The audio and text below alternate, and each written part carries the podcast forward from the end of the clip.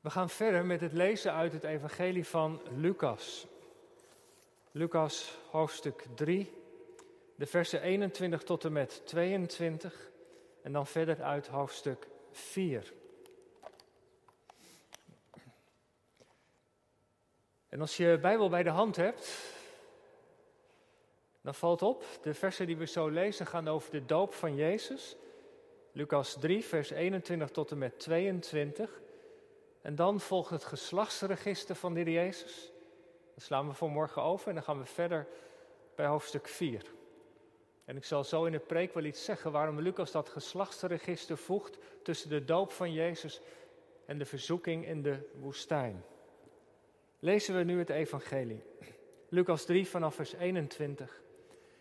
En het geschiedde toen al het volk gedoopt was, ook Jezus gedoopt was. En toen hij aan het bidden was, dat de hemel geopend werd en dat de Heilige Geest op hem neerdaalde in lichamelijke gedaante als een duif. En er kwam een stem uit de hemel die zei: U bent mijn geliefde zoon. In u heb ik mijn welbehagen. 4 vers 1. Jezus, vol van de geest, keerde terug van de Jordaan en werd door de geest naar de woestijn geleid, waar hij veertig dagen verzocht werd door de duivel. Hij had niets in die dagen, hij at niets in die dagen. En tenslotte, toen die voorbij waren, kreeg hij honger.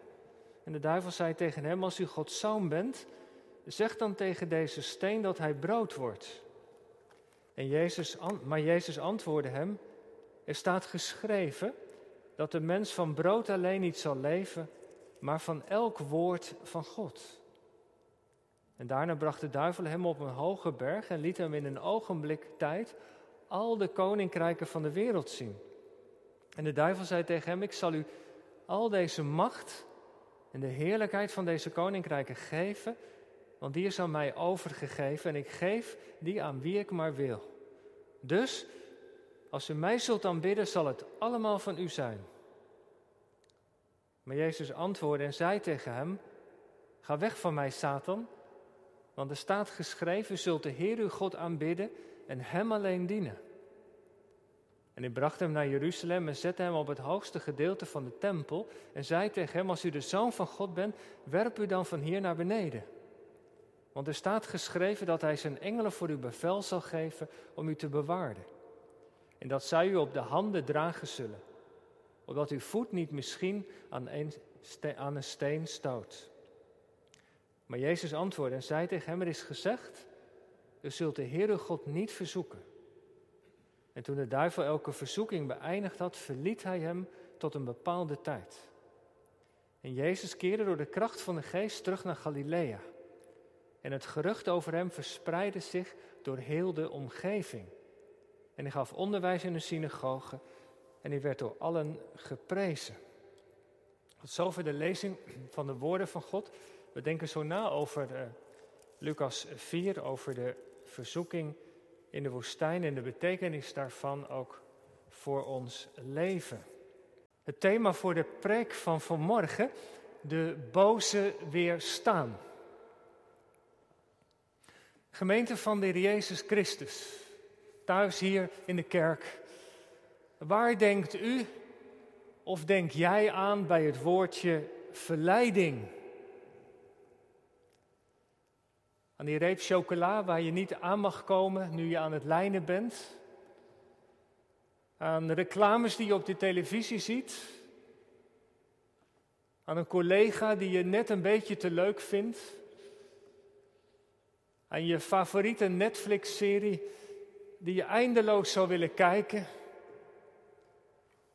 Of misschien denk je wel aan heel iets anders. Verleiding is alles wat je bij God vandaan houdt. Dat kan dus heel veel zijn. In de Bijbel wordt daar het woord verzoeking voor gebruikt. Kom terug in het Onze Vader, het laatste lied in deze dienst, wat we zullen zingen. Leid ons niet in verzoeking. Dat is, bescherm ons voor verleiding. Voor iets dat zich tussen u en ons inschuift. Als ik u, als ik jou dat zou vragen, wat zijn eigenlijk onze grootste verleidingen? Vaak wordt gezegd dat deze liggen op het terrein van seks, geld en macht. En dat is zeker het geval, denk ik. Het begeren van spullen, een oogje hebben op de partner van een ander, het ambiëren van je geweldige carrière, verleiding van kwaad spreken van iemand die je in je carrière in de weg staat, van roddel, van oordelen. We zien het om ons heen en hoeveel hier ook stuk doorgaat. Het zou zomaar kunnen dat we op dit punt geen schone handen hebben. Er zitten zoveel kanten aan verleiding. Is verleiding, dacht ik, ook vaak niet dat we ons zo in iets kunnen verliezen. Dat er ongemerkt heel veel tijd verloren gaat. Of het nu Facebook, WhatsApp is, gamen, online spelletjes, nieuwsberichten steeds maar weer lezen, de films, de serie, de afleveringen die je wilt zien, je werk, je hobby. Er kunnen zoveel dingen zijn die ons in beslag kunnen nemen. Maar verleiding dat we ons erin verliezen en dat we heel veel tijd er ongemerkt aan besteden en dat we niet toekomen aan de dingen die er echt toe doen. En dat en dan en ook dat we daardoor allerlei gedachten krijgen die we niet willen hebben. Dat we ons met anderen misschien wel gaan vergelijken. Dat we dingen gaan verlangen die niet goed voor ons zijn. Dat we uiteindelijk geen rust meer hebben in ons hoofd. Wat zijn verleidingen? Dit. Dat is de strategie van de boze om ons af te houden van God. Van wat goed is. En we hebben er allemaal mee te maken. Zelfs de Heer Jezus. En we gaan vanmorgen zien hoe de boze hem probeert te verleiden. Op welke terreinen van zijn leven. En ook wat hij deed om de boze te weerstaan. En dat is voor ons ook belangrijk in de strijd die wij hebben te voeren. Jezus wordt, zo vertelt Lucas, door naar zijn doop, door de geest naar de woestijn geleid en daardoor de duivel verleid, verzocht. En om de betekenis daarvan goed te begrijpen, twee dingen vooraf. Als je de Bijbel openslaat, dan zie je dat Lucas eerst vertelt over de doop van de Heer Jezus, dat bijzondere gebeuren in de Jordaan. Hij had niet nodig om gedoopt te worden, maar hij werd wel gedoopt. Hij ontvangt de geest. Maar voordat hij dan door de geest in de woestijn geleid wordt, vertelt Lucas over zijn afkomst, zijn, het geslachtsregister van Jezus. Hij voegt dat er als het ware tussenin. En kijk maar in je Bijbel, vanaf vers 23 begint dat in Jezus en dan gaat het terug in de tijd helemaal tot vers 38 terug tot Adam. En Lucas doet dat natuurlijk niet voor niets. Hij wil als het ware tegen ons lezers zeggen: kijk, waar is het nou in het begin met die verleiding misgegaan? Nou, helemaal in het begin in het paradijs met Adam en Eva. Die hebben naar die stem van de boze geluisterd. En Lucas zegt: kijk, hier is Jezus. Hij is ook een afstammeling van Adam. Hij is om zo te zeggen de tweede Adam. Hij gaat herstellen wat in de eerst, bij de eerste Adam is fout gegaan. Adam en Eva zijn gestruikeld, maar Jezus bleef staande. Dus hij ziet daar een hele duidelijke link tussen. Met andere let op, hier gaat iets belangrijks gebeuren. En het tweede, de geest stuurt Jezus de woestijn in. Nou, de woestijn, als je er geweest bent, weet je dat is een plek van ontbering, van droogte. Maar in de Bijbel is de woestijn ook de plek van de demonen en de duivel. De geest drijft Jezus dus naar de plek, om zo te zeggen, naar het hol van de leeuw. En ik weet niet of je de films van Narnia nog herinnert. Ik geloof dat het in de eerste film is over Aslan, die op een gegeven moment is een heel indrukwekkende periode, een heel indrukwekkend moment in de film, dat, dan, dat hij die tent binnengaat waar ook de witte heks te vinden is. En dat hij daar samen, dat ze daar samen elkaar spreken. Daar in die tent werd het pleit beslecht. En besluit Aslan om zich te laten doden, om door de dood heen de overwinning te behalen. Nou, zo gaat Jezus hier naar de woestijn. Daar wordt het pleit beslecht. Hij valt de duivel aan, om zo te zeggen, op zijn eigen terrein. En als Jezus daar komt, dan denkt Satan, ha, nu heb ik je. En hij probeert Jezus te verleiden. Hij probeert Jezus van zijn missie af te houden. Jezus was namelijk gekomen om mensen te redden en om de werken van de boze te verbreken. En daarom zet hij alles op alles om Jezus van het doel af te houden. En de boze heeft inmiddels geleerd wat de zwakke plekken van mensen zijn. En hij probeert Jezus juist ook op die punten aan te vallen. Wat zijn die zwakke plekken dan? Het zijn er drie. En dan kom ik bij, bij Lucas 4. De eerste verleiding. Als Jezus moe is en honger, vertelt Lucas, komt de boze naar Jezus toe. Als u Gods zoon bent, zeg dan tegen deze stenen, de lage stenen, Jezus had honger, zeg dan tegen deze stenen dat ze brood worden. Gebruik je macht om je honger te stillen. Spreek maar wordt die stenen, wordt, een brood, wordt vanzelf een brood zodat je kunt eten. En wat doet de boze? Hij probeert Jezus ertoe te bewegen de macht die hij heeft te gebruiken voor zichzelf. Om wonderen te doen ten behoeve van zichzelf alleen. En is dat een verleiding voor Jezus? In zijn mens zijn zeker. Niet eten, niet vast, vasten, dat maakt je lichamelijk zwak. En je weet zelf ook wel, als je moe bent, ben je kwetsbaar. Na een lange drukke dag aan het werk hang je voor de buis, je zept wat, je ziet van alles. Vermoeidheid kan je kwetsbaar maken, het wakkert verlangens aan. En Satan probeert Jezus te verleiden daar en een wonder te doen voor zichzelf. Maar daarvoor is de Jezus niet gekomen. Zijn leven draait niet om zichzelf. Hij is gekomen om voor anderen te zorgen, naar mensen om te zien. Hij is gekomen om verzoening te doen voor onze zonden. Hij is gekomen om de boze te verslaan. En straks zal hij sterven aan het kruis. Daar is de overwinning definitief. Heel het leven van Jezus staat niet in het teken van zichzelf, maar in het teken van God, van, van de mensen om hem heen. En Satan probeert Jezus te verleiden van dat doel af te wijken. De eerste verleiding is dus, als je dat toepast, dat je je leven laat draaien om jezelf. Je eigen behoeften, je eigen verlangens, als die maar worden bevredigd. Het liefst vandaag nog, met één klik.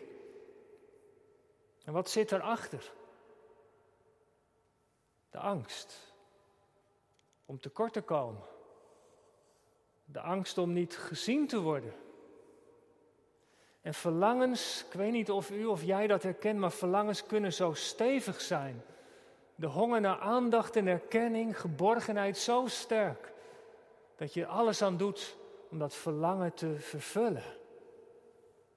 Dat je mensen gaat pleasen, dat je over grenzen gaat van wat goed is, dat je alles opzij zet voor dat ene. Als ik dat maar heb, als ik maar genoeg heb, het maakt je heel krampachtig. Verlangens zijn onverzadigbaar. Er komt nooit een einde aan, maar het gevaar is dus dit. Dat ons leven draait om onszelf. Of je jong bent of oud, we kunnen er allemaal last van hebben. En wat doet Lucas nou vanmorgen? Hij nodigt ons uit om in de spiegel te kijken. De eerste spiegel. Deze vraag. Hoe zit dat nou bij u, bij jou? Draait je leven om jezelf? Ben je misschien bang dat je tekort komt, dat je niet meetelt? Is er in uw en jouw leven en mijn leven ook echt ruimte voor die ander?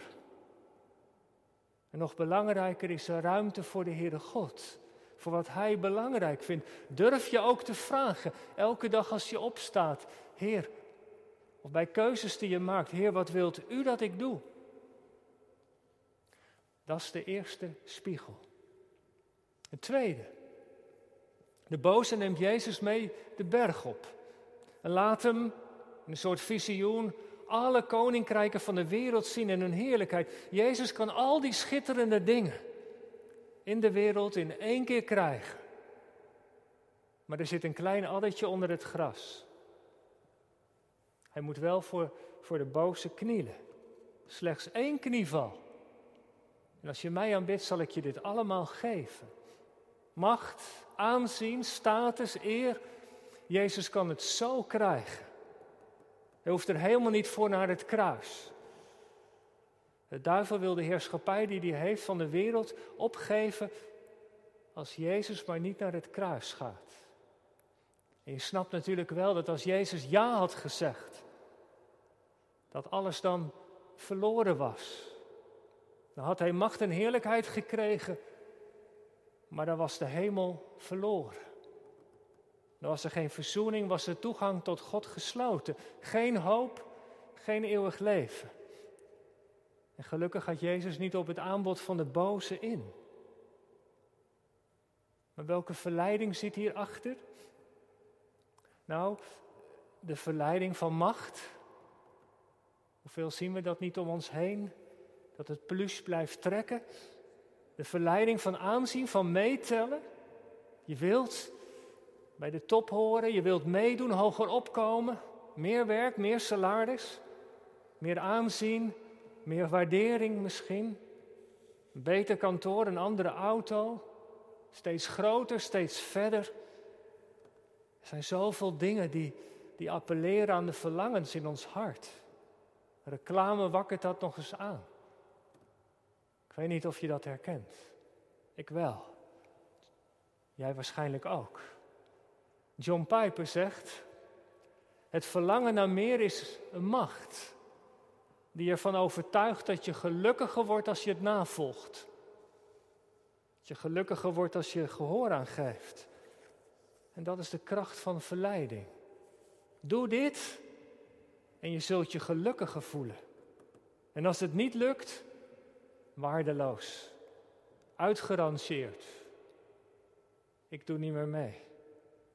Ik sta aan de zijlijn. Wat hebben mensen nog aan mij? Hoor je soms ouderen wel eens zeggen. Deze verleiding is niet zonder gevaar. Jezus zegt, wat baat het een mens als hij de hele wereld wint, maar schade leidt aan zijn ziel?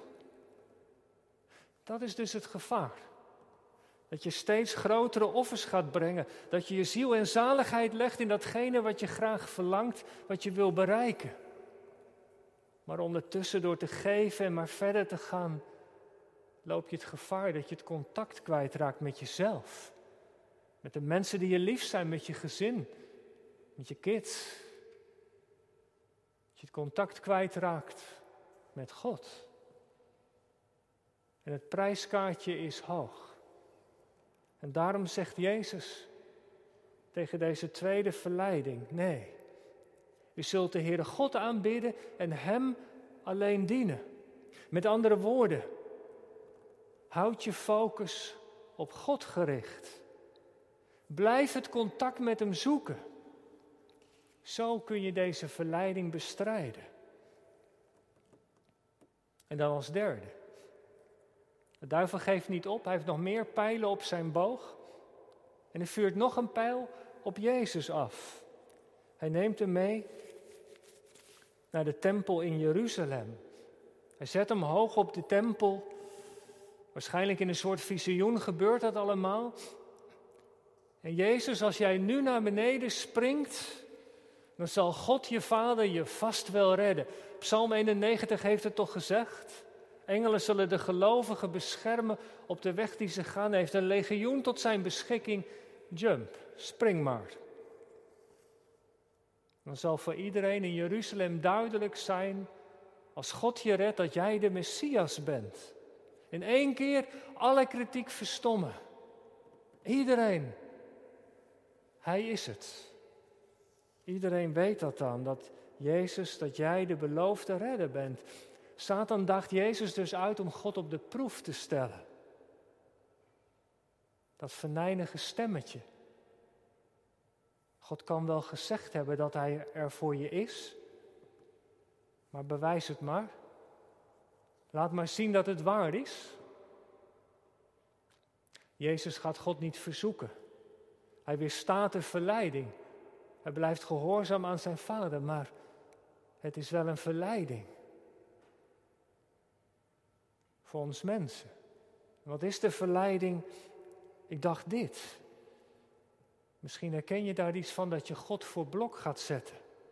Als God dit voor mij doet, dan zal ik Hem dienen.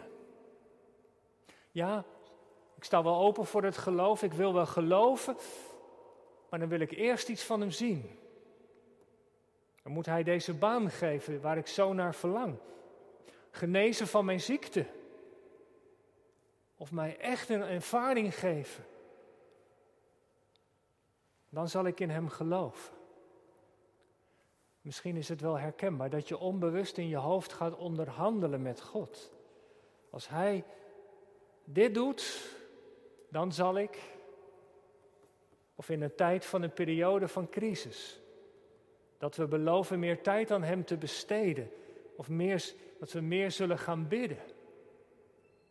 Zodra die crisis voorbij is, ben je het alweer vergeten. Maar deze manier van omgaan met God is natuurlijk wel beperkt. Een relatie, dat weten we allemaal wel, kan niet opbloeien als dat iets is van voor wat hoort wat. Toch? Zo werkt het niet. Als ik dit doe, dan doe jij dat. En omgekeerd. Nou, als je zo aan je huwelijk zou beginnen, dan heb je geen goede start. Een relatie van wederzijdse rechten en plichten. Een zakelijke relatie. Je voelt wel aan, dat past niet in de relatie en zeker ook niet in de relatie met de Heere God. Hij is de heilige God, Hij is onze schepper. Hij heeft ons gemaakt, we zijn van Hem afhankelijk. Het past ons om eerbied te hebben, Hem te vertrouwen en te gehoorzamen. Maar Satan wil dat het een werkrelatie wordt. Een functionele relatie. Als jij iets doet, dan zal God.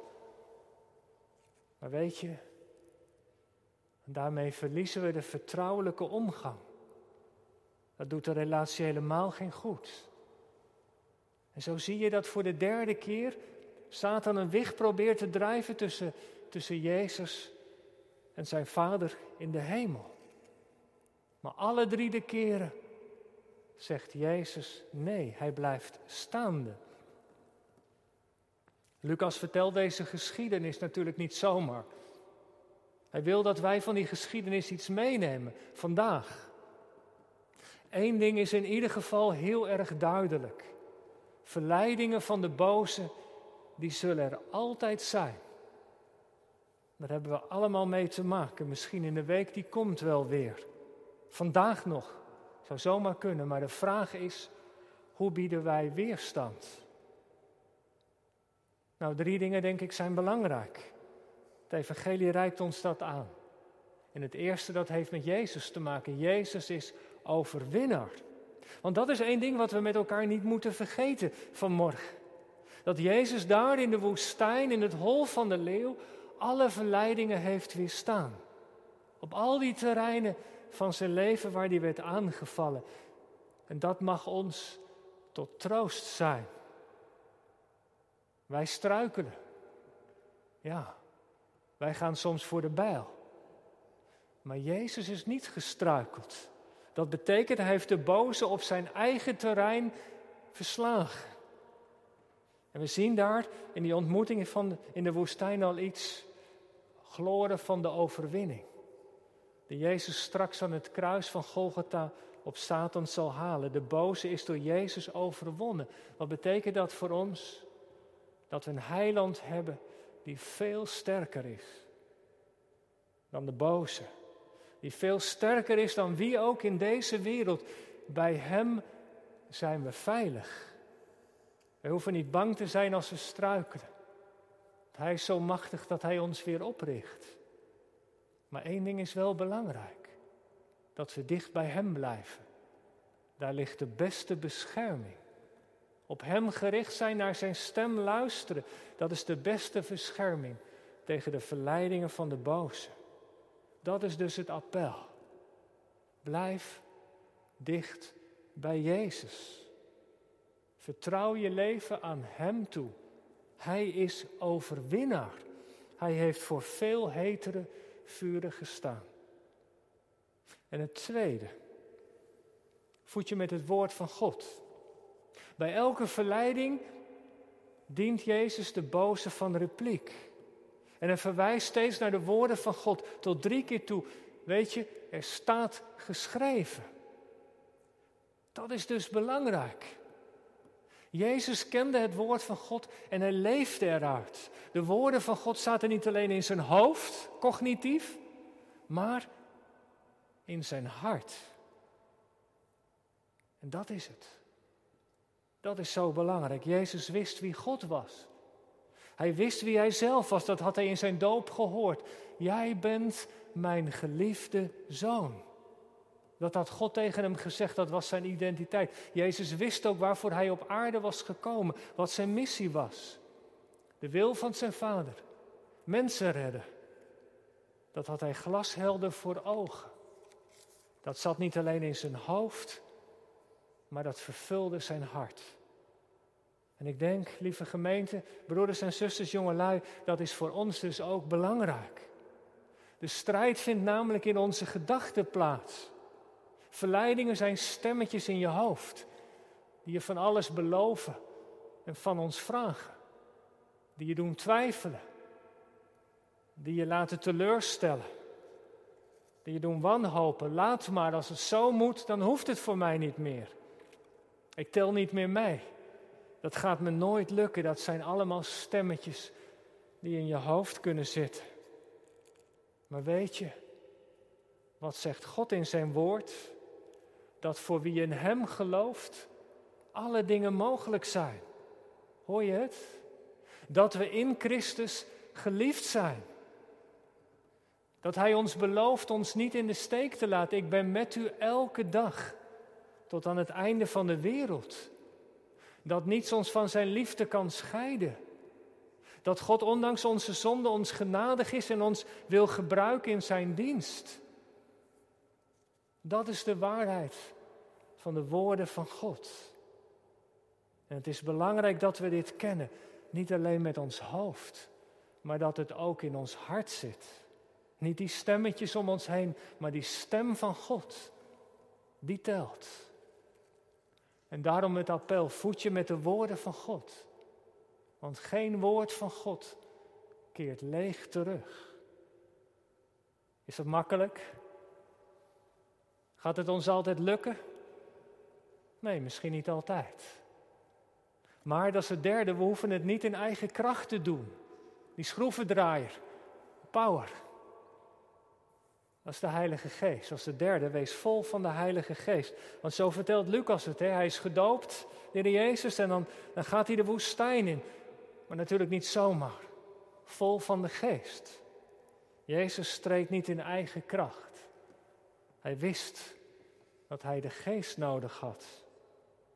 En als dat voor hem belangrijk was, voor jou ook, hoeveel te meer voor u en voor mij.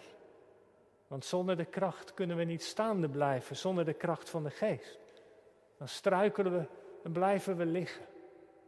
Maar de geest richt ons op en die wijst ons op Jezus.